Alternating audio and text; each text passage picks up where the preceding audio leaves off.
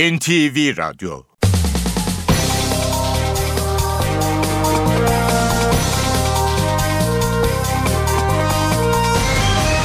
İşe Giderken Mutlu sabahlar, iyi haftalar. Ben Aynur Altunkaş. Bugün 27 Ocak Pazartesi. Saat 9'a kadar Türkiye ve dünya gündemine yakından bakacağız. Ayrıntılara geçmeden önce başlıklarla başlayalım. Başbakan Recep Tayyip Erdoğan, CHP'nin İstanbul Büyükşehir Belediye Başkanı adayı Mustafa Sarıgül ile ilgili yolsuzluk ve rüşvet iddialarını gündeme getirdi. Başbakan 2004 yılına ait belgeleri gösterdi, Sarıgül'ün inşaat mafyasıyla işbirliği yaptığını söyledi. Mustafa Sarıgül, Başbakanın yolsuzluk iddialarına sosyal medyadan cevap verdi. Sarıgül, iftira ve karalamalarla büyük yürüyüşümüzü durduramayacaksınız dedi.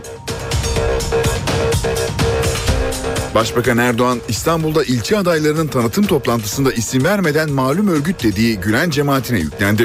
Başbakan şantajlarla tehdit ediyorsunuz, elinizde ne varsa açıklayın dedi. İstanbul Esenyurt'ta MHP Seçim İrtibat Bürosu'na silahlı saldırı düzenlendi. MHP'li Cengiz Akyıldız hayatını kaybetti. 4 kişi de yaralandı.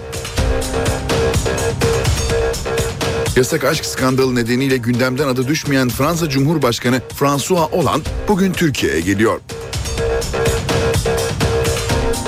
Dün akşam 0-0 sona eren Galatasaray Gaziantep spor maçı öncesinde olaylar çıktı. Taraftarlar arasında taş ve sopaların kullanıldığı kavgayı polis güçlükte ayırdı. Fenerbahçe Spor Kulübü internet sitesinden taraftarını uyardı. Bugün oynanacak Torku Konya Spor maçında cezaya neden olabilecek davranışlardan kaçınılması istendi. İşe giderken gazetelerin gündemi.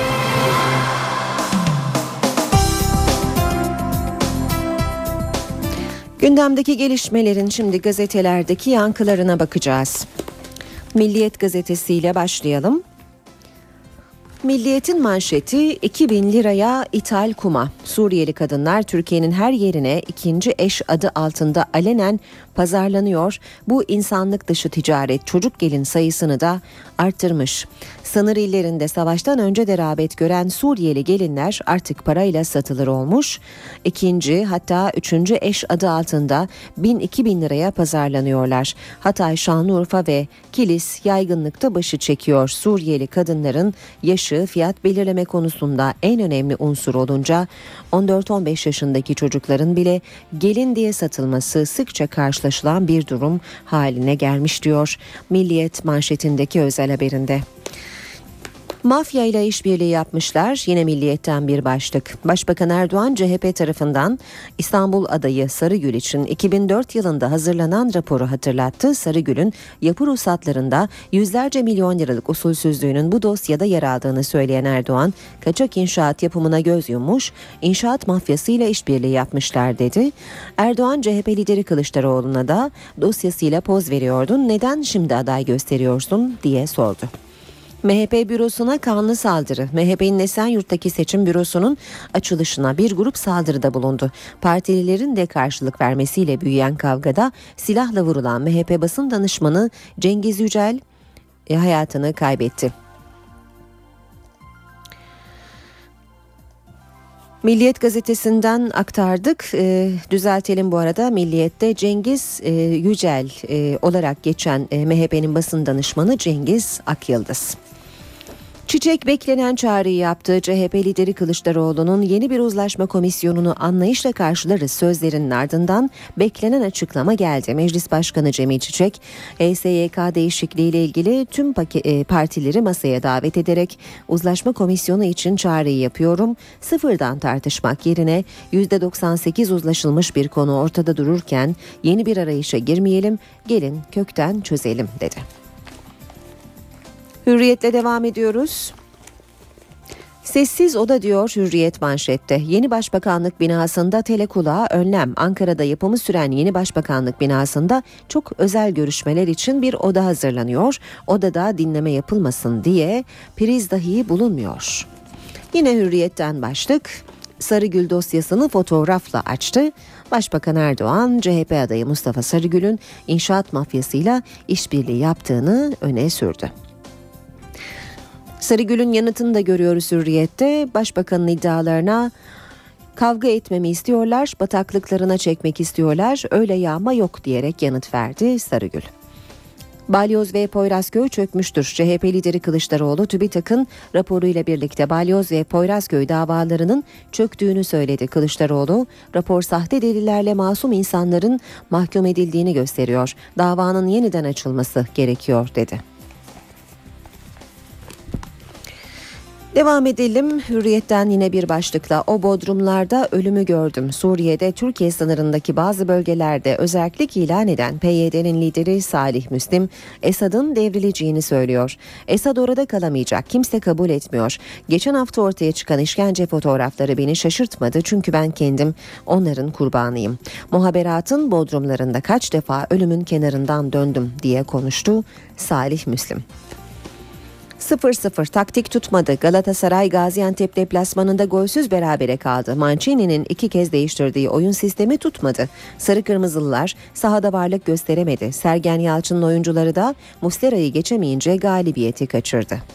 Bir numaranın gözyaşları. Avustralya açık tenis turnuvası sürprizle bitti. Dünya bir numarası Nadal'ı 3-1 ile deviren İsviçreli Wawrinka şampiyon oldu. Belindeki sakatlık için ikinci sette doktor molası alan Nadal seyircinin tepkisi üzerine ağladı. Geçelim sabaha. Tır baskınları skandal ötesi. Sabahın sürmanşeti. Paralel yapıyı ilk çözen adam Hanefi Avcı sabaha açıklamalarda bulunmuş. Avcı paralel komploları deşifre etti. Adana ve Hatay'da skandal ötesi durum yaşandı. MIT bir şey sevk ediyorsa savcı buna bakamaz. Sabahın manşeti dosyayla attın niye aday yaptın? Erdoğan CHP'ye sordu. Başbakan Erdoğan CHP'nin hazırladığı dosyadan Sarıgül'ün rüşvet ve yolsuzluk belgelerini gösterip şantaj mı var ki aday yaptın dedi. Çift planlandı ama tek geliyor. Fransa Cumhurbaşkanı Hollande Türkiye'de, ayrıldığı hayat arkadaşı ise Hindistan'da. Elize Sarayı'ndan önceki gün tek imzalı ayrıldık açıklaması yapılınca Ankara Hollande'ın tarihi ziyaretine yönelik protokolü son anda yeniledi. Hollande bugün Türkiye'ye eşsiz gelecek. Cumhuriyet'te devam ediyoruz. Ahtapot İzmir'de diyor Cumhuriyet manşette. Birol Bafra Samsun'dan İzmir limanına atanınca Samsun merkezli firma ihaleleri topladı. Cumhuriyet'in haberi şöyle. Adalet Bakanı Bozdağ hakkında dönemin İzmir Başsavcısı başı arayarak adil yargılamayı etkilemeye teşebbüs ettiği gerekçesiyle hazırlanan fezlekede Devlet Demir Yolları liman işletmelerine yönelik yolsuzluk olayına ilişkin çarpıcı bir ayrıntı yer aldı. Tutuklanan 14 şüpheli arasında yer alan İzmir Liman İşletmeleri Müdür Yardımcısı Bafra, Samsun'dan İzmir'e atanınca bu ildeki ihalelerin yönü de değişti diyor Cumhuriyet gazetesi haberinde. Bıçak kemiği kesti. Kur artışı otomotivi vurdu. İşten çıkarmalar ve zam kapıda. Diyor Cumhuriyet gazetesi bir diğer başlıkta. Radikale bakalım. Hem saldırgan hem mağdur. Ankara'da polis rolü yapan iki kişi seks işçilerine saldırdı, yaraladı, araçlarını parçaladı. Polis savcılığa sevk etmeden serbest bıraktı diyor Radikal gazetesi manşet haberinde. Bir başka başlık İmralı'ya ikinci heyet hazırlanıyor. Leyla Zana'nın İmralı'ya gitmesi çözüm sürecindeki görüşme trafiğinde değişikliğin ilk adımı çıktı. Pervin Buldan, İdris Baluken ve Sırrı Süreya Önder'den oluşan resmi heyetin yanı sıra BDP ve HDP'den yeni bir heyet İmralı'ya gitmeye başlayacak. Öcalan'la görüşen Zana ise Kandil ve Erbil'e gidecek. Star'la devam ediyoruz. Kağıt tepe gibi fotoğraf.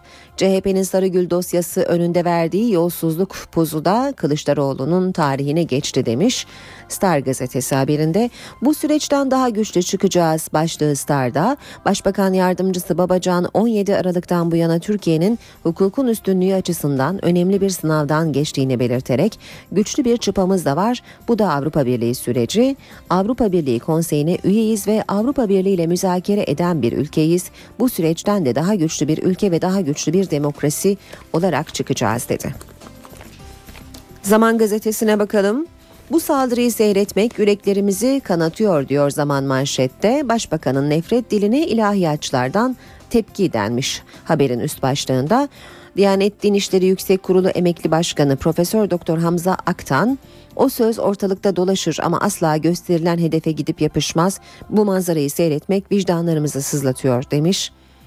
Bir diğer e, görüş Profesör Doktor Hüseyin Algül'e ait Uludağ Üniversitesi İlahiyat Fakültesinden Fethullah Gülen Kur'an ve sünnet ölçülerine göre güzel bir iş yapıyor. Milyonlar da hüsni şahadet ediyor. Bu ithamları hak etmiyor. Yeni Şafak'la devam edelim. Sana kim şantaj yaptı diyor Yeni Şafak manşette. Başbakan Erdoğan Sarıgül'ün yolsuzluk dosyasını CHP'nin belgeleriyle açıkladı. Bir başka başlık provokasyon, bir ölü, yedi yaralı, MHP'nin Esenyurt Seçim Bürosu'nun açılışında kan aktı diyor Yeni Şafak gazetesi de. Ve tırda gıda var durdurmayın başlığını görüyoruz. Milli Eğitim Bakanı Nabi Avcı Eskişehir'den Suriye'ye gönderilen yardım tırını uğurlama töreninde paralel yapıya gönderme yaptı. Tırımızda diğer tırlarda olduğu gibi gıda maddeleri var. İşgüzarlıklara karşı bir kez daha söylüyorum. Ve Habertürk'ün sürmanşeti bir tazminat, bir tebligat.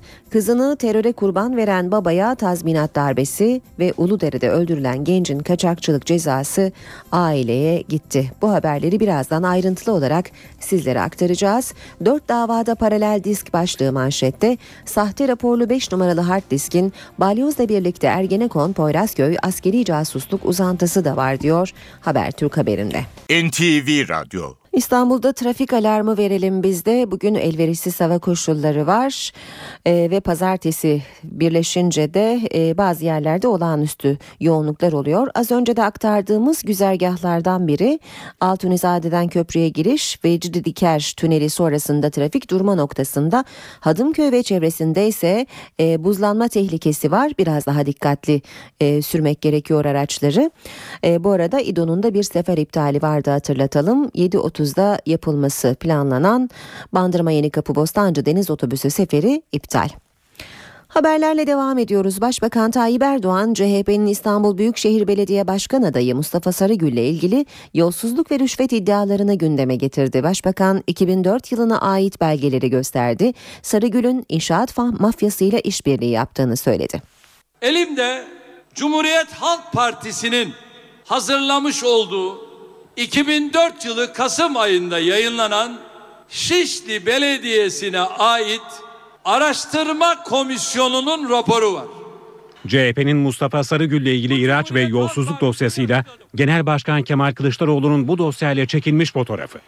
Başbakan Recep Tayyip Erdoğan, CHP'nin İstanbul adayı Mustafa Sarıgül ile ilgili açıklayacağını söylediği 2004 tarihli belgeleri kamuoyuna gösterdi. 57 sayfalık raporda şu anda CHP adayı olan kişiyle ilgili iddialar tüm belgeleriyle ortaya konuyor yapı ruhsatı üzerinde çok sayıda yolsuzluk ve çok sayıda usulsüz oynama yapılmış. Bu oynama nedeniyle yüzlerce milyon lira usulsüzlük yapılmış. Buyurun. Başbakan Sarıgül'ü inşaat mafyasıyla işbirliği yapmakla itham etti. Güzel de bir oyun oynamışlar. Aldıkları parayı da borç olarak aldığını söylüyorlar dışarıdaki bir mühendislik bürosu üzerinden. İnşaat mafyasıyla işbirliği yapmışlar. Rüşvet karşılığında inşaat sahiplerine olağanüstü rant temin etmişler. Belediye Başbakan, Başkanı, Genel Başkan Kemal Kılıçdaroğlu'na da seslendi, şantaj imasında bulundu. Yolsuzluk nedeniyle CHP'den atılan birini neden İstanbul'a aday yaptığını derhal açıklamalı, açıklayamıyor. Bir kaset operasyonuyla iş başına gelen CHP Genel Başkanı'na eğer bir yerlerden baskı varsa, emir, talimat varsa, şantaj varsa bunu bilmek ve üzerine gitmek isteriz. Zira yolsuzluktan atılan birini aday yapmak aklı selimin yapacağı bir iş değildir. Başbakanın iddialarının odağındaki isim CHP'nin İstanbul adayı Mustafa Sarıgül Fatih'te bir miting düzenledi. Sarıgül başbakanın yolsuzluk iddialarına ise sosyal medyadan cevap verdi. Başbakanın heyecanını anlıyorum. Kaybetmenin telaşı sağduyunun önüne geçmiştir. CHP'nin İstanbul adayı Mustafa Sarıgül, Başbakan Recep Tayyip Erdoğan'ın yolsuzluk iddialarına hemen Twitter hesabından cevap verdi. İftira ve karalamalarla büyük yürüyüşümüzü durduramayacaksınız dedi.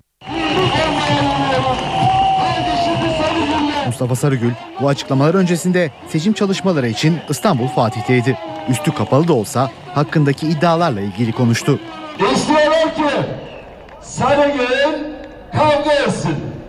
İstiyorlar ki Sarıgül sinkaflı konuşsun. İstiyorlar ki Sarıgöl'ü kendi bataklıklarının içine çeksinler. Yok öyle ama Sarıgöl yumruğu çıkaracak ama yumruğu sonra cebine koyacak. Sarıgül, barış ve kardeşlik mesajları verdi. İstanbul Esenyurt'ta MHP Seçim İrtibat Bürosu'na saldırı düzenlendi. Silah, bıçak ve sopaların kullanıldığı olayda bir kişi hayatını kaybetti, dört kişi yaralandı. Bir kişinin hayatını kaybettiği saldırı MHP'nin İstanbul Esenyurt'taki seçim irtibat bürosu açılışı sırasında düzenlendi. Karşıt görüşlü bir grup MHP'nin seçim otobüslerine ve büroya taş attı. Seçim bürosundan çıkan partililer de gruptakilere karşılık verdi. Silah, taş ve sopaların kullanıldığı kavgada 5 kişi yaralandı. Silahla vurulan MHP'li Cengiz Akyıldız kaldırıldığı hastanede hayatını kaybetti. Dışarıdan gelen bir grup arkadaşlarımıza yönelik silahlı bir tavır koymuşlardır ve bir arkadaşımız rahmete kavuşmuştur. İtidarlı bir şekilde e, arkadaşlarımız olayları takip etmektedir. Akyıldız'ın ölüm haberiyle partililer hastaneye akın etti. Meclis Başkan Vekili Meral Akşener de hastaneye gidenler arasındaydı. Saldırıyla ilgili yazılı açıklama yapan MHP Genel Başkan Yardımcısı Semih Yalçın, faillerin bir an önce adalete teslim edilmesini beklediklerini ifade etti. İstanbul Valisi Hüseyin Avni Mutlu da Twitter mesajında saldırının seçim güvenliğine yapılan önemli bir provokasyon olduğunu belirtti. Saldırıyı gerçekleştiren, ölüm, yaralanmalara sebebiyet verenlerin kısa zamanda bulunup adaletin eline teslim edileceğinden emin olunsun ifadelerini kullandı. Aydın'ın Kuşadası ilçesinde 9 yıl önce bombalı saldırıda 5 kişi yaşamını yitirdi. O saldırıda kızlarını kaybeden Okyay ailesine 70 bin lira tazminat ödendi. Ancak yıllar sonra Danıştay İçişleri Bakanlığı'nın itirazı üzerine tazminatın faiziyle birlikte iadesine karar verdi. 7 yıllık yasal faiziyle bizden tekrar geri isteyecekler diye düşünüyoruz. Terör saldırısında ölen kızı için ödenen tazminat faiziyle geri isteniyor. Azmi Okyay Kuşadası'nda 9 yıl önce 5 kişinin öldüğü bombalı saldırıda kızını kaybetti. Bölge İdare Mahkemesi'nin kararı üzerine Eda Okyay'ın ailesine 70 bin lira tazminat ödendi. Ancak İçişleri Bakanlığı'nın yıllar sonra yaptığı temyiz başvurusu Danıştay tarafından kabul edildi. Devletin hizmet kusuru olmadığı gerekçesiyle karar bozuldu. Okyay ailesi şimdi 70 bin liralık tazminatı 7 yıllık faiziyle yaklaşık 200 bin lira olarak geri ödemek zorunda. Ben evladımı kaybetmişim. Tabii ki bu paralar sembolikti. Yani maddi yönden rahatlatacaktı. Manevi yönümüzü hiçbir şey kapatmaz. Artık süreç devam ediyor. Bundan sonrası nasıl gelişir onu bilemiyorum. Azmi Okyay parayı ödeyecek maddi durumlarının olmadığını söylüyor. Elimizde pek bir şey yok. Yani bunu karşılayacak kadar bir maddi imkanımız zaten yok. Derlerse ki bunun karşılığında içeride yatacaksınız. Onu da yapacağız yani. Yapacak bir şey yok. Okyay ailesi kararın bozulması için Anayasa Mahkemesi ve Avrupa İnsan Hakları Mahkemesi'ne başvuru yapacak. 25 yaşındaki Nadir Alma, Uludere'deki hava operasyonunda hayatını kaybetti. Ancak ailesine 11 yıl önceye dayanan 8 bin liralık kaçakçılık cezası tebligatı yapıldı. Aile itirazda bulunmaya hazırlanıyor. Uludere'deki operasyonda hayatını kaybetti. Ailesine 11 yıl önceki olay nedeniyle 8 bin liralık kaçakçılık cezası gitti. Uludere Asliye Ceza Mahkemesi Nadir Alma'ya 2003 yılında işlediği kaçakçılık suçundan dolayı 2009 yılında para cezası tebligatı yaptı. Ancak Alma kendisine gönderilen tebligatı kaybetti. 25 yaşındaki Nadir Alma 2010 yılında Şırnak Uludere'deki hava operasyonunda hayatını kaybetti. Aile verilen cezanın düştüğünü zannetti. Geçen hafta başka bir iş için Uludere Adliyesi'ne giden baba Sadık Alma'ya ceza tebligatı bu kez elden yapıldı. 8403 liralık para cezasının ödenmesi istendi. Ailenin avukatlığını yapan Diyarbakır Barosu Başkanı Tahir Elçi cezanın usulsüz olduğunu iddia etti. Elçi davanın alacak değil, ceza davası olduğu için ölen kişinin borcunun düşmesi gerektiğini söyledi. Aile çocuklarının iki yıl önce öldüğünü gerekçe göstererek mahkemeye itirazda bulunacak. Tunceli merkezi bağlı Batman köyü yakınlarında yola yakın bir noktada içine patlayıcı madde yerleştirilmiş 12 kilogramlık tüp bulundu. Patlayıcı imha edildi. Genelkurmay'ın açıklamasına göre incelemede tüpün içinde 40 kilogram amonyum nitrat, 200 gram plastik patlayıcı ve fünye olduğu belirlendi. Başbakan Tayyip Erdoğan İstanbul'da ilçe aday tanıtım toplantısında isim vermeden malum örgüt dediği cemaate yüklendi. Elinizde ne varsa açıklayın dedi. Başbakanın gündeminde oğlu Bilal Erdoğan ve eşiyle ilgili iddialar da vardı. Şantajlarla tehdit ediyorsunuz.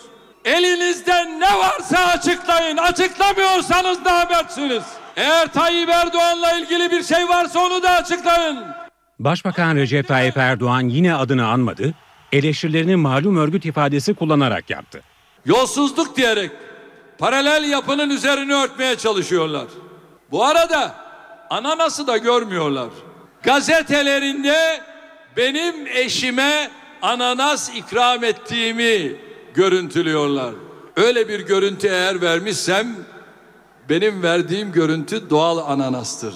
Ama sizin ananasınız ihaledir, ihale. Başbakan, eşi, oğlu ve damadı ile ilgili Aradaki iddialara yanıt bu. verdi. Oğlum Bilal'e yakıştırılmak istenen yafta, damadıma yakıştırılmak istenen yafta, bunların hepsi sadece bir iftiradır. Ve ne damadım ne evladım asla ne rüşvete ne yolsuzluğa bugüne kadar bulaşmamışlardır. Ben bile eşimin bu kadar zengin olduğunu bilmiyordum. Bayağı hastane sahibi olmuş benim eşim. Hastaneler onun. Marka pastaneler onun. Yani nerede bir açılışa katılmışsak orası muhakkak bizim. Başbakan, Adana'da tırlar durdurulduğunda ne yaşandığına dair ayrıntıları anlattı. Baktı ki polisle bunu yapamıyoruz. Hemen jandarmadaki ayaklarıyla bu işi yürütmeye kalktılar. Yaklaşık 200-250 kişiyle gittiler. Ve bunları yere yatırdılar. Ellerini kelepçediler. Bunların içinde bunların içinde asker de var. Üsteğmen var. Yanılmıyorsam yüzbaşı da var. Paralel devlet tartışması ile ilgili İçişleri Bakanı Efkan Ala ve Başbakan Yardımcısı Bülent Arınç'tan da açıklamalar geldi. Arınç bu hükümet olmazsa cemaatler de olmaz dedi. Başbakanımızın içi yanıyor da onun için bazı şeyleri yüksek perdeden söylüyor. Siz onun bildiklerini bilseydiniz daha kötü şeyler söylerdiniz. Başbakan Yardımcısı Bülent Arınç, Bursa'da aday tanıtım toplantısındaydı. Gündeminde paralel devlet tartışmaları vardı. Bu hükümet varsa o cemaatta, o cemaatlarda var olacaktır. Bu hükümet olmazsa o cemaatta, bütün cemaatlarda yok olacaktır. Biz varsak siz de varsınız. Biz yoksak siz de yoksunuz. İçişleri Bakanı Efkan Ala da Erzurum'da konuştu. Ala da aynı konuya değindi, kurallara uymayanların hesap vereceğini söyledi. devletin kurallarına rağmen devletin kurumları içerisinde o kuralları kötüye kullananlar da elbette bunun hesabını verecekler. Paralel devlet var mı? E, Yaşıyoruz hep birlikte. Var olan bir şeyin üstünü örtmek gibi bir geleneğimiz yok. Başbakan Recep Tayyip Erdoğan, CHP'nin İstanbul Büyükşehir Belediye Başkanı adayı Mustafa Sarıgül ile ilgili yolsuzluk ve rüşvet iddialarını gündeme getirdi. Başbakan 2004 yılına ait belgeleri gösterdi, Sarıgül'ün inşaat mafyasıyla işbirliği yaptığını söyledi. Mustafa Sarıgül, Başbakanın yolsuzluk iddialarına sosyal medyadan cevap verdi. Sarıgül, iftira ve karalamalarla büyük yürüyüşümüzü durduramayacaksınız dedi. Başbakan Erdoğan İstanbul'da ilçe adaylarının tanıtım toplantısında isim vermeden malum örgüt dediği Gülen cemaatine yüklendi. Başbakan şantajlarla tehdit ediyorsunuz, elinizde ne varsa açıklayın dedi. İstanbul Esenyurt'ta MHP Seçim İrtibat Bürosu'na silahlı saldırı düzenlendi. MHP'li Cengiz Akyıldız hayatını kaybetti. 4 kişi de yaralandı. Yasak aşk skandalı nedeniyle gündemden adı düşmeyen Fransa Cumhurbaşkanı François Hollande bugün Türkiye'ye geliyor. Dün akşam 0-0 sona eren Galatasaray Gaziantep spor maçı öncesinde olaylar çıktı. Taraftarlar arasında taş ve sopaların kullanıldığı kavgayı polis güçlükte ayırdı. Fenerbahçe Spor Kulübü internet sitesinden taraftarını uyardı. Bugün oynanacak Torku Konya Spor maçında cezaya neden olabilecek davranışlardan kaçınılması istendi. Biz e, ayrıntılı haberlerimize devam edelim. AK Parti İstanbul İlçe Belediye Başkan adaylarını açıkladı. Beyoğlu ve Fatih'te aynı isimler aday oldu. 39 ilçenin tek kadın adayı ise Maltepe'den aday olan Edibe Sözen. AK Parti'nin yerel seçimlerde İstanbul'dan yarışacak adayları Ataköy Sinan Erdem Spor Salonu'nda tanıtıldı. 3 yılında Büyükşehir'de Kadir Topbaş'la yola devam kararı alan AK Parti, çoğu ilçede mevcut başkanları aday gösterdi. Ahmet Misbah Demircan 10 yıldır Beyoğlu Belediye Başkanı olan Ahmet Misbah Demircan yine aday oldu. yüksek lisansını aynı üniversitede siyasi Mustafa Demir 17 Aralık yolsuzluk operasyonunda gözaltına alınıp serbest bırakılan Fatih Belediye Başkanı Mustafa Demir de adaylar arasında. meslek hayatına başladıktan sonra Edibe Sözen Yavuz AK Parti'nin İstanbul'daki tek kadın adayı Maltepe'den Profesör Edibe Sözen. Bir süre AK Parti Genel Başkan Yardımcılığı yapan akademisyen Edibe Sözen, 2007 genel seçimlerinde İstanbul'dan milletvekili seçildi. Ancak 2011 seçimlerinde listede yer almadı. Şişli'de AK Parti'nin adayı eski Fazilet Partisi milletvekili Mukadder Başeymez. Başeymez, cezaevlerindeki ölüm oruçları döneminde Orhan Pamuk, Zülfü Livaneli ve Yaşar Kemal'le birlikte ön plana çıkan isimlerden biriydi. dönemde Küçükçekmece'de ise Başkan Aziz Yeniay yerine Temel Karadeniz, Eyüp'te İsmail Kavuncu yerine Remzi Aydın aday oldu. Beykoz'da oturuyor. Beykoz'dan aday olan Yücel Çelikbilek ise 9 çocuğuyla tanıtım töreninde dikkat çekti.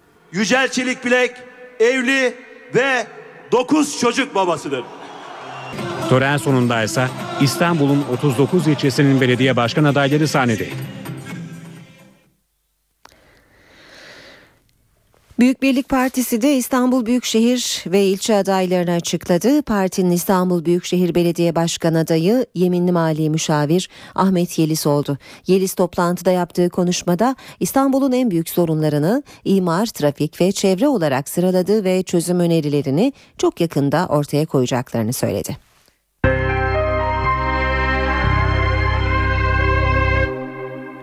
Fransa Cumhurbaşkanı François Hollande bugün Türkiye'ye geliyor. Fransa açısından ekonomik ilişkilerin geliştirilmesi ve Türk pazarında kaybedilen zemini yeniden kazanmak birinci gündem.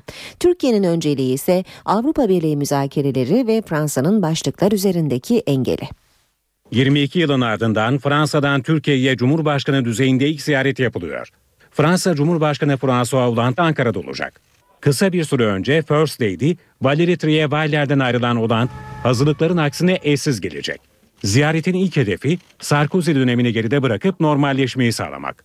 Ermeni soykırımı tartışmaları yüzünden 2002-2013 yılları arasında Türkiye pazarında kaybedilen zemini yeniden kazanmak. Fransa'nın Türk pazarındaki payı bu dönemde %6,3'ten %3,2'ye geriledi.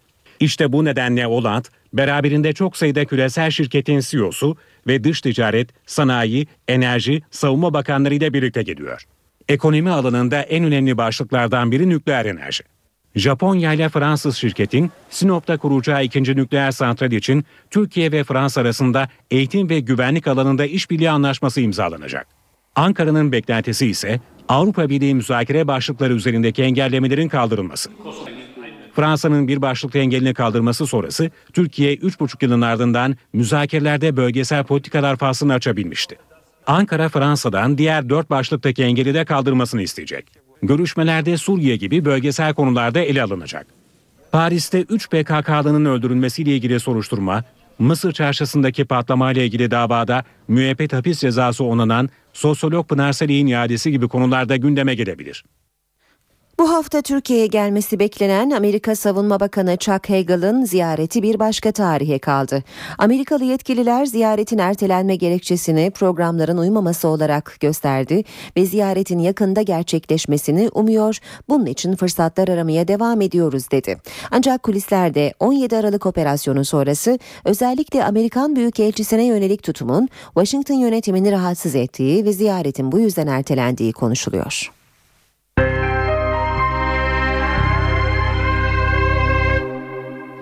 Türkiye yağışlı havanın etkisine girdi. Tüm bölgeleri etkileyen yağmurlar perşembeye kadar sürecek. Hava sıcaklığı batı kesimlerde 7 derece azaldı.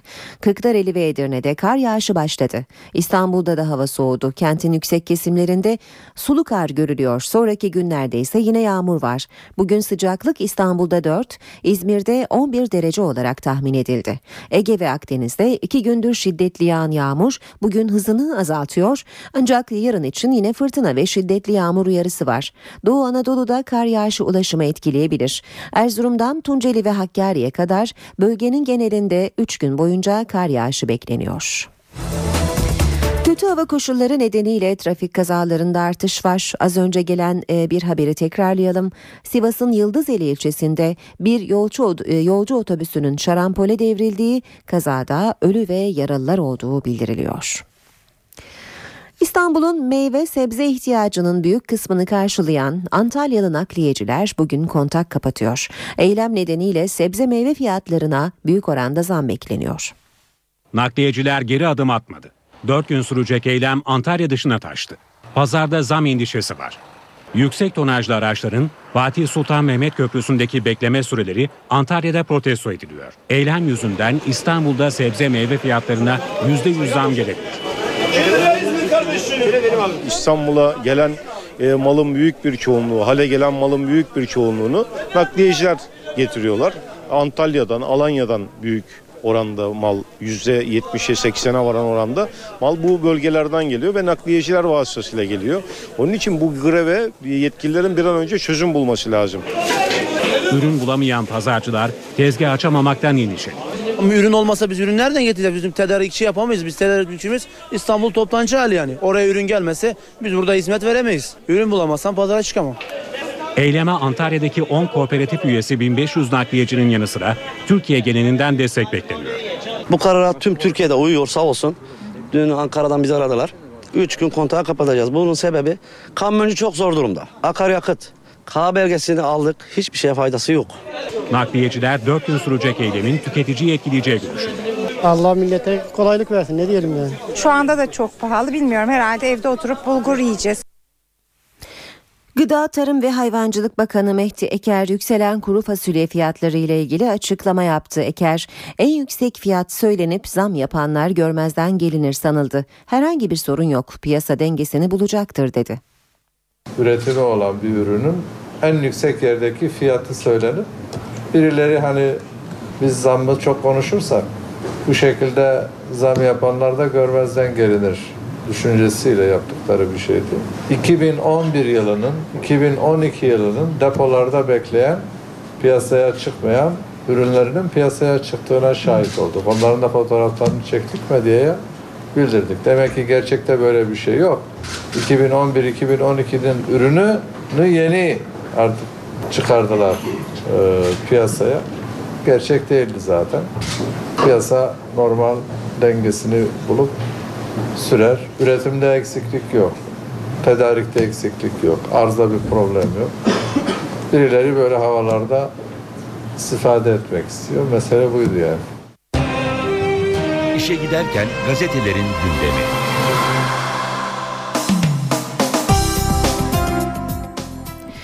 Şimdi spor gündeminden haberler aktaracağız. Gazetelerin spor sayfalarından ve spor gazetelerinden. Fanatik oynatmaya az kaldı manşetiyle çıkmış. Roberto Mancini 8 puanlık fark kapanır iddiasını dilinden düşürmüyor ama dün gece olanlar Galatasaraylılara umut vermiyor. Cimbom Antep'te 3-5-2 dizilişiyle oyuna başladı. 4-4-2'ye döndü. 4-3-3 denedi. Finali 3-5-2 ile yaptı. Stabri sol çizgide Umut, Amrabat, Melo bir orada bir buradaydı. Bir ara Drogba'nın partneri Salih Dursun'du. Aslan ne denediyse olmadı. Sahada adeta yokları oynadı.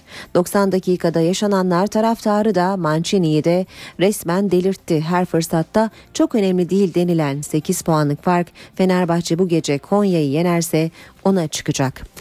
Fanatik'in sür manşetinde ise Kadıköy yıkılacak başlığı var. Aziz Yıldırım'ın Fransa'dan dönüşünde Anadolu yakasını sarı laciverte boyayan Fenerbahçeliler bu akşam ikinci gövde gösterisine hazırlanıyor. 20'de başlayacak Konya maçında Kadıköy'ün bir kez daha sallanması muhtemel demiş Fanatik gazetesi haberinde. Geçelim foto maça. Baş ağrısı manşeti var foto maçta. Sezonun ikinci yarısına Fenerbahçe ile 8 puanlık farkı kapatma parolasıyla başlayan Galatasaray daha ilk maçta startta kaldı. İsteksiz, hevessiz, kazanma hırsı ve coşkusundan uzak Aslan, Sergen Yalçın'ın Gaziantep Sporu karşısında 2 altın puan bırakarak şampiyonluk yarışında ağır bir darbe yedi. Cimbom tüm hattı, hattıyla dökülürken sayısız pozisyondan gol çıkartamayan ev sahibi ekip galibiyeti kaçıran taraf oldu. Mancini'nin aslanı 7'silik 12. deplasmanda 12'si deplasmanda 10. kez takıldı diyor foto maç haberinde. Fener'i asıl şimdi görün başlığı yine foto maçta. Fenerbahçe Teknik Direktörü Ersun Yanal resmi siteden yaptığı açıklamada taraftarı coşturacak mesajlar verdi. Yanal ilk yarının fotoğrafını çektik ve devre arasında eksiklerimizi kapattık. Daha güçlü bir şekilde geliyoruz dedi. Galatasaray'ın kaybı da Yanal'ın keyfini yerine getirdi. Ve AMK gazetesine bakacağız. Heitinga İmza an meselesi diyor AMK. Snyder önerdi Mancini tamam dedi. Wesley Snyder'in bize uyar kaçırmayalım dediği Hollandalı stoper için görüşmeler son noktaya ulaştı. Pürüzler çözüldü. İş imzaya kaldı. Bir başka başlık bitik. Gaziantep beraberliği sonrasında Galatasaray yıkıldı. 0-0 diyor AMK gazetesi de. Şimdi gazetelerin spor sayfalarına bakacağız. Spor gazetelerinin ardından. Milliyete bakalım önce. Başına çorap ördü başlığını görüyoruz. Aslan Gaziantep'te yerinde saydı. Zirve ve e, zirve hesapları ciddi sekteye uğradı diyor Milliyet'te. Kartal pençesi Galatasaray geride kalan 18 haftada Beşiktaş'ta eski futbolcuların çalıştırdığı takımlara karşı tam 10 puan kaybetti. Aslan'a son darbeyi Sergen Yalçın indirdi. 2014 uğursuz geldi. Galatasaray'ın yeni yılda oynadığı dördüncü maçta üçüncü kez kayıp yaşadı Galatasaray. Zira Türkiye Kupası'nda Antalya ile berabere kalırken Elazığ'a kaybeden Cimbom sadece Tokat Spor'u yenebildi. Kriz üstüne kriz. Beşiktaş Başkanı Fikret Orman'ı Amerika dönüşünde yoğun bir günden bekliyor. Fikret Orman, Bilic'le sözleşme yenileyeceklerini söyledi. İkinci başkan Çebi, o başkanın düşüncesi diyerek bu duruma muhalif olduğunu gösterdi. Ruhsat, ruhsatsız olarak devam eden Vodafone Arena için belediye bir hafta süre verdi. Orman ve yönetimi izinleri alabilmek için kaynak arayışına girdi. Bilic Özen ikilisinin istediği transferler yapılamadı. Taraftar yeni isimleri dört gözle beklerken maddi sıkıntılar siyah beyazların elini kolunu bağladı. Kadıköy düşmesin. Fenerbahçe Teknik Direktörü Ersun Yanal oyuncularıyla yaptığı toplantıda iç saha maçlarına dikkat çekti. Sizin deplasman performansınıza çok güveniyorum. O yüzden evimizde fire vermediğimiz takdirde yolun yarısını geçmiş olacağız. Kadıköy'den çıkış olmasın, bu kale düşmesin dedi. Nadal'ı ağlattı, kupayı kaldırdı. İspanyol rakete karşı 12 maçta set dahi alamamış olan Wawrinka, Avustralya açık finalinde rakibini 3-1 mağlup ederek kariyerinin ilk Grand Slam zaferine ulaştı. İkinci sette 7 dakikalık bir sağlık molası alan Nadal, korta dönüşünde bazı seyircilerden tepki gördü. Kortta hareket etmekte zorlanan İspanyol raket gözyaşlarını tutamadı. Arda Turan coştu. Atletico Madrid deplasmanda Vallecano'yu 4-2 mağlup ederken milli futbolcu attığı iki golle geceye damga vurdu diyor Milliyet gazetesi. Halkbank cezayı kesti. Acıbadem Erkekler Voleybol Ligi'nde başkent temsilcisi sezonun ilk mağlubiyetini aldı. Aldığı Fenerbahçe'ye bu kez şans tanımadı. Mavi Beyazlar 14. maçında 12. galibiyetine ulaşarak zirveyi ele geçirdi. Ve Hürriyet'in spor sayfalarına bakalım şimdi de. Aslanın başı döndü başlığı Hürriyet'te maça 3-5-2 ile başladı 22. dakikada 4-4-2'ye döndü 84'te yine 3-5-2'ye geçiş yaptı ama sonunda hiçbiri tutmadı diyor Hürriyet gazetesi de. Türkiye'de etik olmayan çok olay yaşandı. Mancini Buruma tartışmalarına göndermeyle cevap verdi. İtalyan hoca son dönemde etik tartışmaları yaşanıyor ama baktığımız zaman da Türk futbolunda etik olmayan bazı olaylar yaşandığı ortada dedi. Dani, Riera ve Amrabat gidecek. Mancini Galatasaray'dan gidecek isimleri de açıkladı. İtalyan teknik adam transfer yapabilmek için Dani, Riera ve Amrabat'ı göndermeyi düşündüklerini belirtirken bir stoper takviyesi yapmayı da planladıklarını doğruladı. Fenerbahçeliler aman dikkat. Lider Fenerbahçe ikinci yarı öncesi taraftara seyircisiz kalmayalım uyarısı yapıldı. Ersun Yanal da taraftar desteğine ihtiyaçları olduğunu söyledi.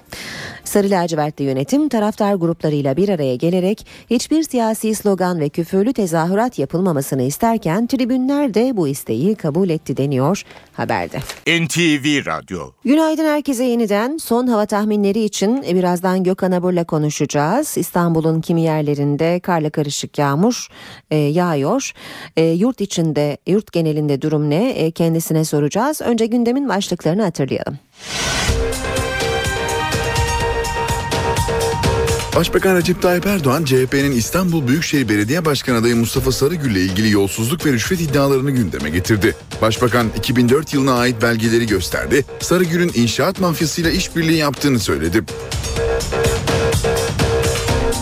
Mustafa Sarıgül, Başbakanın yolsuzluk iddialarına sosyal medyadan cevap verdi. Sarıgül, iftira ve karalamalarla büyük yürüyüşümüzü durduramayacaksınız dedi.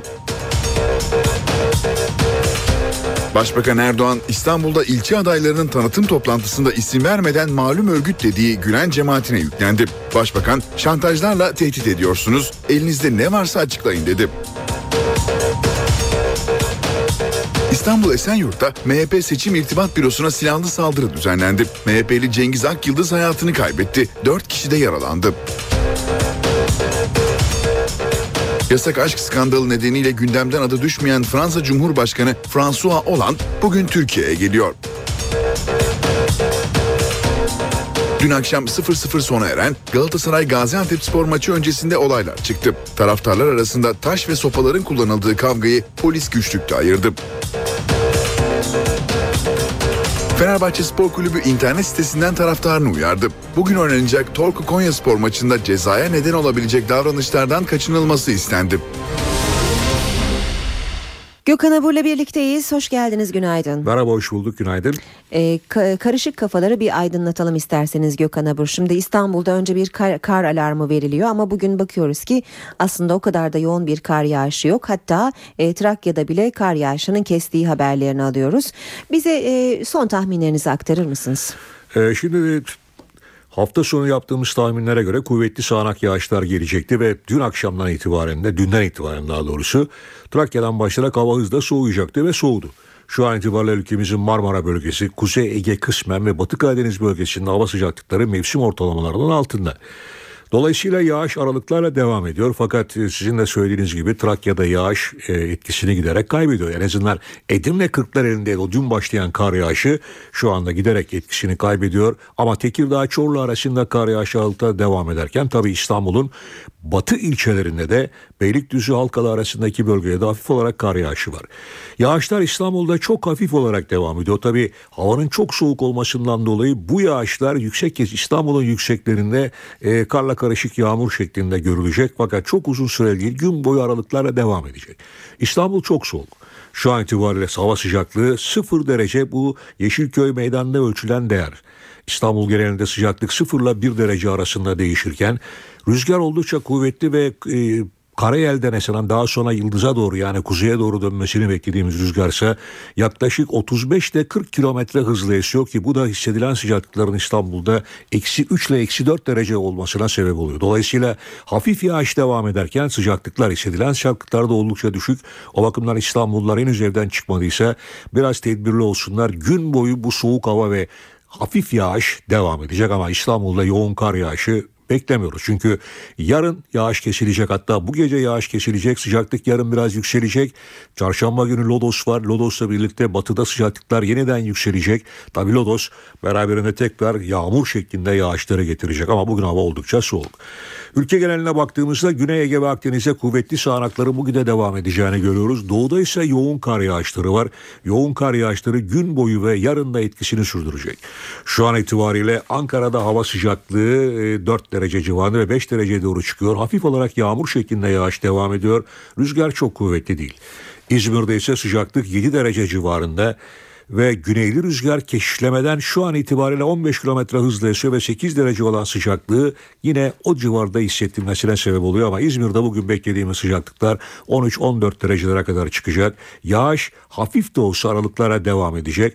Bu yağışların yarından sonra etkisini kaybetmesini fakat çarşamba günü yeniden bölgenin yeni bir yağış tavanın etkisine gireceğini tekrar vurgulamak istiyorum. Evet son derece değişken hava koşullarının görülebileceği bir haftaya girdik. Çok hızlı sıcaklık iniş ve çıkışları olacak. Zaman zaman kuvvetli yağışlar göreceğiz. Bu yağışlar doğuda yoğun kar ama batıda ve güneyde yer yer kuvvetli gök gürültülü sağanaklar şeklinde olacak diye tekrar hatırlatmak istiyorum. Bizleri bekleyen koşullar genelde böyle. Gökhan Abur teşekkür ediyoruz. İşe giderken gazetelerin gündemi.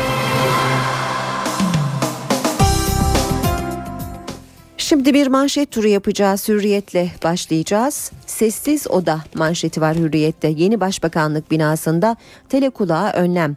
Ankara'da yapımı süren yeni Başbakanlık binasında çok özel görüşmeler için bir oda hazırlanıyor.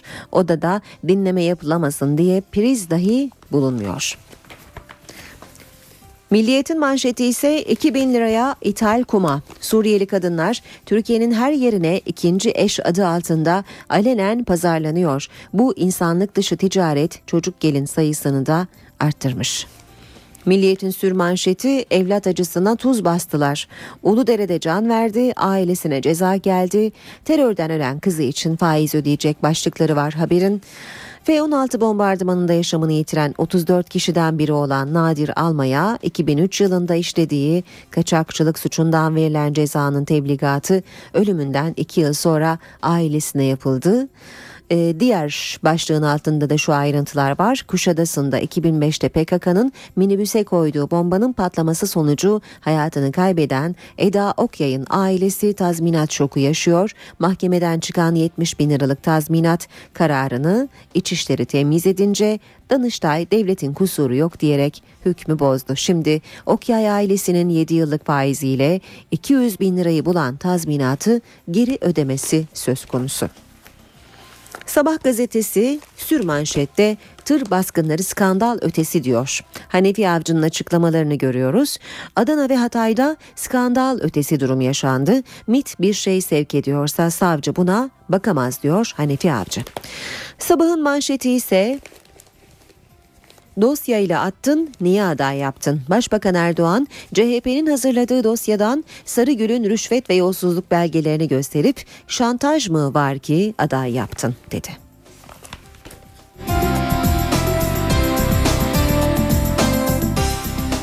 Geçelim Habertürk'e 4 davada paralel disk gidiyor Habertürk manşette. Sahte raporlu 5 numaralı hard diskin balyozla birlikte Ergenekon Poyrazköy askeri casusluk uzantısı da var. TÜBİTAK'ın balyoza esas teşkil eden hard disk için sahte raporu Ergenekon'u da etkiledi. 5 numaralı hard diskteki proje belgesi Ergenekon sanığı Albay Çiçek'in ıslak imzasını taşıyan belgenin benzeri diyor Habertürk.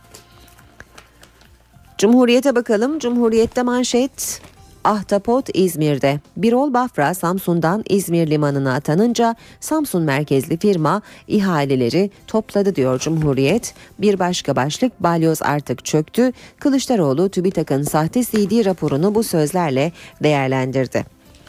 Radikal'de hem saldırgan hem mağdur başlığı manşette. Ankara'da polis rolü yapan iki kişi seks işçilerine saldırdı, yaraladı, araçlarını parçaladı. Polis savcılığa sevk etmeden serbest bıraktı. Star'da manşet kağıt tepe gibi fotoğraf. CHP'nin Sarıgül dosyası önünde verdiği yolsuzluk pozu da Kılıçdaroğlu'nun tarihine geçti diyor Star gazetesi ve Başbakan Erdoğan'ın e, dünkü konuşmasından e, bir başlıkta yine Star'da yolsuzluktan ihraç ettin şimdi nasıl aday gösteriyorsun?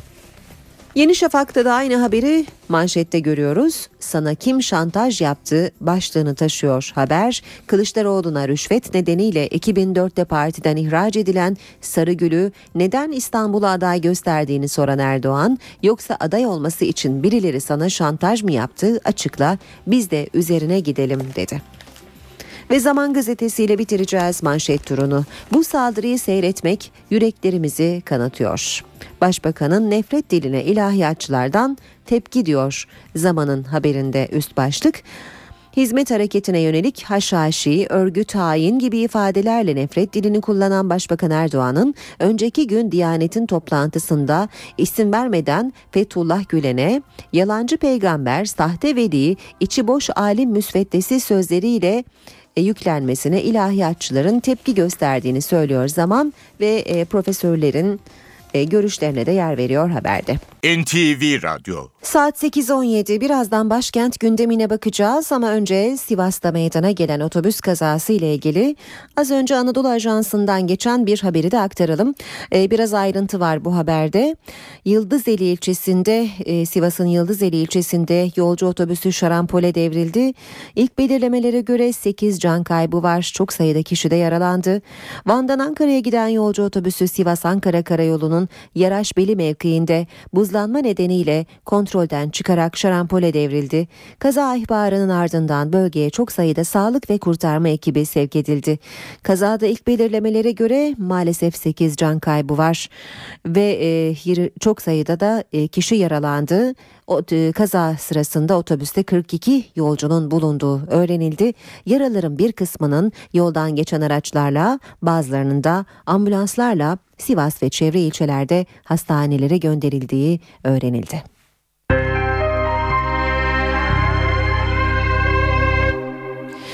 Ve şimdi başkente döneceğiz. Karşımızda NTV muhabiri Özden Erkuş var. Özden günaydın. Günaydın Ankara'dan. E, Meclis yoğun bir haftaya hazırlanıyor. İnternette sınırlama e, düzenlemesini öngören torba yasa tasarısı gündeme gelecek. Ankara'nın misafirleri de var. Neler aktaracaksın bize bu sabah? Önce misafirle başlayalım. Bugün Fransa Cumhurbaşkanı François Hollande'ı ağırlayacak başkent. Hollande'ın ziyareti 22 yıl e, sonra Fransa'dan Türkiye'ye Cumhurbaşkanı düzeyindeki ilk resmi ziyaret. Hollanda öğle saatlerinde Ankara'da olacak. İlk durak Anıtkabir. Anıtkabir ziyaretinin ardından önce Çankaya Köşkü'nde Cumhurbaşkanı Abdullah Gül'le bir araya gelecek. Resmi törenle karşılanacak. Ee, baş başa ve heyetler arası görüşmeler yapılacak. Ardından iki mevkidaş e, bir ortak basın toplantısı düzenleyecekler. Fransa Cumhurbaşkanı daha sonra da Başbakan Erdoğan'la bir araya gelecek. Hollanda akşam saatlerinde de Cumhurbaşkanı Gül'ün onuruna vereceği akşam yemeğine katılacak ve yarın da Fransa Cumhurbaşkanı'nın İstanbul'da temasları olacak. Hollanda ziyaretinin Fransa açısından ilk hedefi zor geçen Sarkozy dönemini geride bırakıp ilişkilerde normalleşmeyi sağlamak ve özellikle de ekonomik ilişkileri geliştirmek. Ziyarette ulaşım, tarım gibi sektörlerde yeni iş imkanlarının değerlendirilmesi bekleniyor. Nükleer enerji de o işbirliği alanlarından biri. Japonya ile Fransız şirketin Sinop'ta kuracağı ikinci nükleer santral için Türkiye ve Fransa arasında eğitim ve güvenlik alanında işbirliği anlaşmasının da yine bu ziyarette imzalanacağını belirtelim. Ankara'nın bu ziyarete ilişkin en büyük beklentisi ise elbette Avrupa Birliği müzakere süreci. Fransa'nın Avrupa Birliği müzakere başlıkları üzerindeki engellemelerini kaldırmasını bekliyor Ankara. Fransa'nın bir başlıkta engeli kaldırması sonrası Türkiye 3,5 yılın ardından müzakerelerde bölgesel politikalar faslını açabilmişti. İşte bu anlamda bu konuda e, yeni adımlar atılmasını bekliyor. Ankara görüşmelerde Suriye gibi önemli bölgesel konularında ele alınacağını belirtelim. Meclis gündemiyle devam edelim. Meclis SSK düzenlemesinin rafa kaldırılmasının ardından nispeten daha sakin bir haftaya merhaba diyecek bugün. E, muhalefet milletvekillerinin basın toplantılarına sahne olacak Türkiye Büyük Millet Meclisi. CHP Genel Başkan Yardımcıları Faruk Loğlu ve Sezgin Tanrıkulu'yla MHP Grup Başkan Vekili Oktay Vural düzenleyecekleri basın toplantılarıyla gündemdeki gelişmeleri değerlendirecekler. Kuşkusuz Ankara'da yankı bulacak konu başlıklarından biri İstanbul Esenyurt'ta MHP seçim bürosuna yönelik saldırı olacak. Saldırıda MHP'li Cengiz Akyıldız hayatını kaybetmişti. Bu saldırıya ilişkin siyaset cephesinden gelecek değerlendirmeler de yakından takip edilecek Ankara'da. MHP Genel Başkanı Devlet Bahçeli'nin de Cengiz Akyıldız'ın Fatih Camii'ndeki cenaze törenine katılacağını belirtelim bu noktada. Ee, Başbakan Erdoğan ise dün CHP Büyükşehir Belediye Başkanı adayı Mustafa Sarıgül ile ilgili bazı iddialar ortaya atmıştı. Bu iddialara CHP'den nasıl yanıt geleceği de Ankara'da merak edilen konu başlıkları arasında. Yargıdan bir başlıkla bitirelim. 28 Şubat davasının 61. duruşması bugün yapılacak. Davanın geçen haftaki 60. duruşması sanık emekli albay Erkan Yaykır'ın iddianameyi hazırlayan Cumhuriyet Savcıları hakkında suç duyurusunda bulunma talebi üzerine gergin geçmişti. Mahkeme heyeti gereğinin yapılması için Yaykır'ın suç duyurusu talebinin Cumhuriyet Başsavcılığına gönderilmesine karar vermişti. Bu duruşmada da bu talebe ilişkin gelişmeler dikkatle takip edilecek. Ankara'da gündemde öne çıkan başlıklar bugün böyle olacak. Özden teşekkürler kolay gelsin.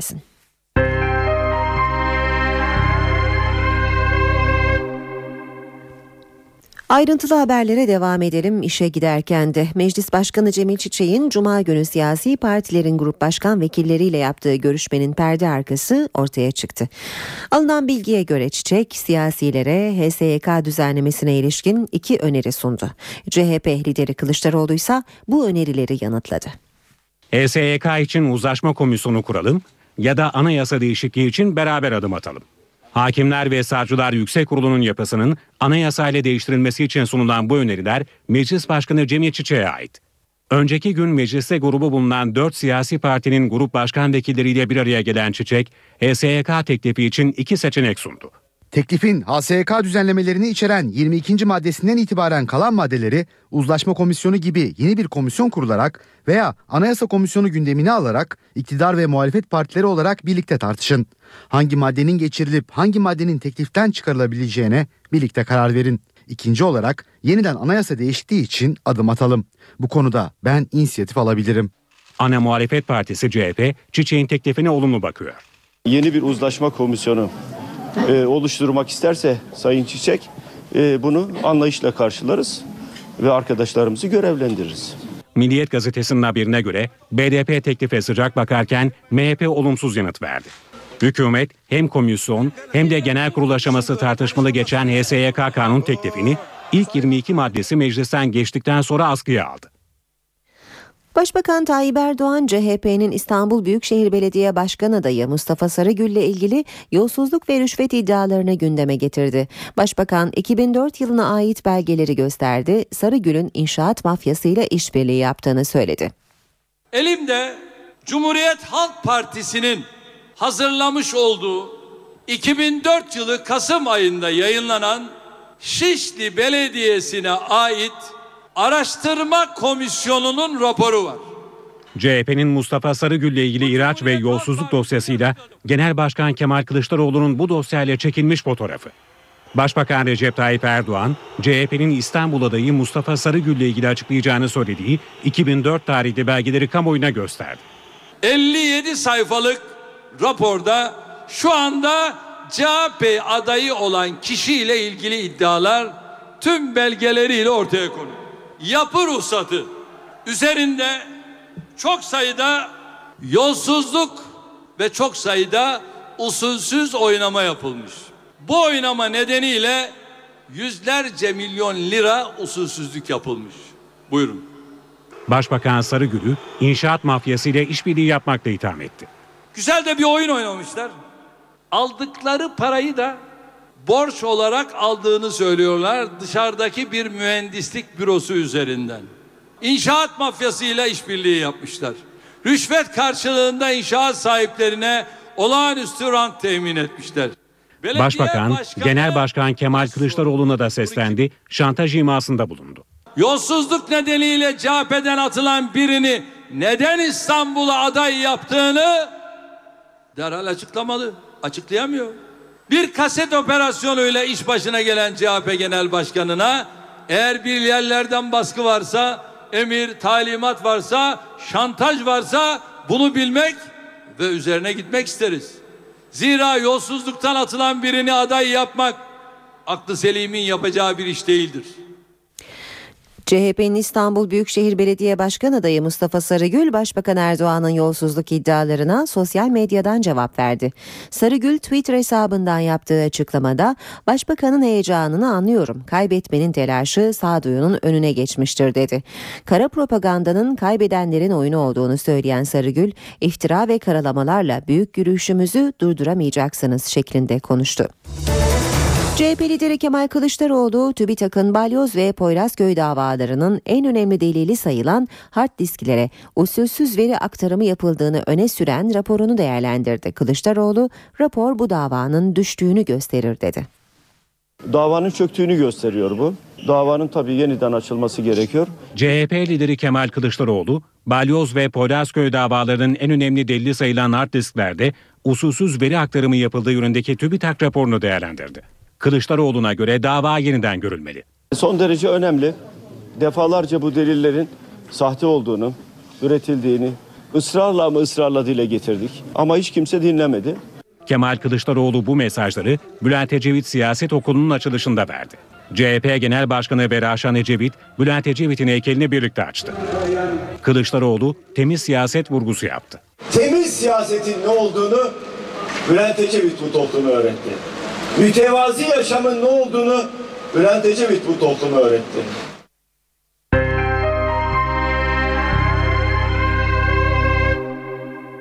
Başbakan Yardımcısı Ali Babacan piyasalardaki hareketlenmenin geçici olduğunu söyledi. Davos'ta açıklama yapan Babacan, orta vadeli programda revizyon ihtimali için erken olduğunu belirtti. Piyasalar üzerindeki etki olan e, en önemli konu hala Amerikan Merkez Bankası'nın para politikasında gitmiş olduğu e, yenilik. Yani bu kriz dönemindeki aşırı genişlemeci para politikalarını bir miktar normale çevirme çabası. Bir numaralı faktör o. Mesela Perşembe ve Cuma günkü piyasa hareketlerinde asıl belirleyici olan dış konjonktürdü. Yoksa biz içimizde ekstra bir şey yaşamadık Perşembe, Cuma günü. Yani yeni bir operasyon olmadı, yeni bir şey olmadı. Bizim kendi iç siyasi gelişmelerimizde kuşkusuz bir miktar daha e, etki yapıyor. Ama etkinin ağırlığı dışarıda olup bitenler daha e, sınırlı bir miktarda kendi içimizde yaşadıklarımız. Piyasalarda bir dengenin oluşmasını, şöyle biraz daha öngörülebilirlik oluşmasını bekleyeceğiz. Ondan sonra dönüp tahmin çalışmalarımızı eğer gerekirse revize edeceğiz. Yeni haftaya başlarken piyasalardaki son rakamları da aktaralım. BIST 100 endeksi cuma günü 1001 puan azalışta %1,53 oranında değer kaybetti ve 64.427 puandan kapandı. Yeni haftaya başlarken dolar 2 lira 32 kuruşta, euro 3 lira 18 kuruşta seyrediyor. Euro dolar 1.37, dolar yen 102 düzeyinde. Altının onsu 1271 dolar, kapalı çarşıda külçe altının gramı 95, çeyrek altın 166 liradan satılıyor. Brent petrolün varili 108 dolar. Sivas'ın Yıldızeli ilçesinde yolcu otobüsü şarampole yuvarlandı. İlk belirlemelere göre 8 can kaybı var. Başbakan Tayyip Erdoğan Mustafa Sarıgül ile ilgili yolsuzluk ve rüşvet iddialarını gündeme getirdi. Başbakan 2004 yılına ait belgeleri gösterdi. Sarıgül'ün inşaat mafyasıyla işbirliği yaptığını söyledi. Mustafa Sarıgül Başbakan'ın yolsuzluk iddialarına sosyal medyadan cevap verdi. Sarıgül iftira ve karalamalarla büyük yürüyüşümüzü durduramayacaksınız dedi. İstanbul Esenyurt'ta MHP Seçim İrtibat Bürosu'na silahlı saldırı düzenlendi. MHP'li Cengiz Akyıldız hayatını kaybetti, 4 kişi de yaralandı. Başbakan Erdoğan isim vermeden Gülen cemaatine yüklendi. Başbakan şantajlarla tehdit ediyorsunuz elinizde ne varsa açıklayın dedi. Fransa Cumhurbaşkanı François Hollande bugün Türkiye'ye geliyor. Galatasaray Gaziantep Spor'la 0-0 berabere kalarak zirve yolunda puan kaybetti. Lider Fenerbahçe bu akşam Torku Konya Spor'la saat 20'de karşılaşacak. NTV Radyo Ve böylece bugün de işe giderken sona eriyor. Hoşçakalın. NTV Radyo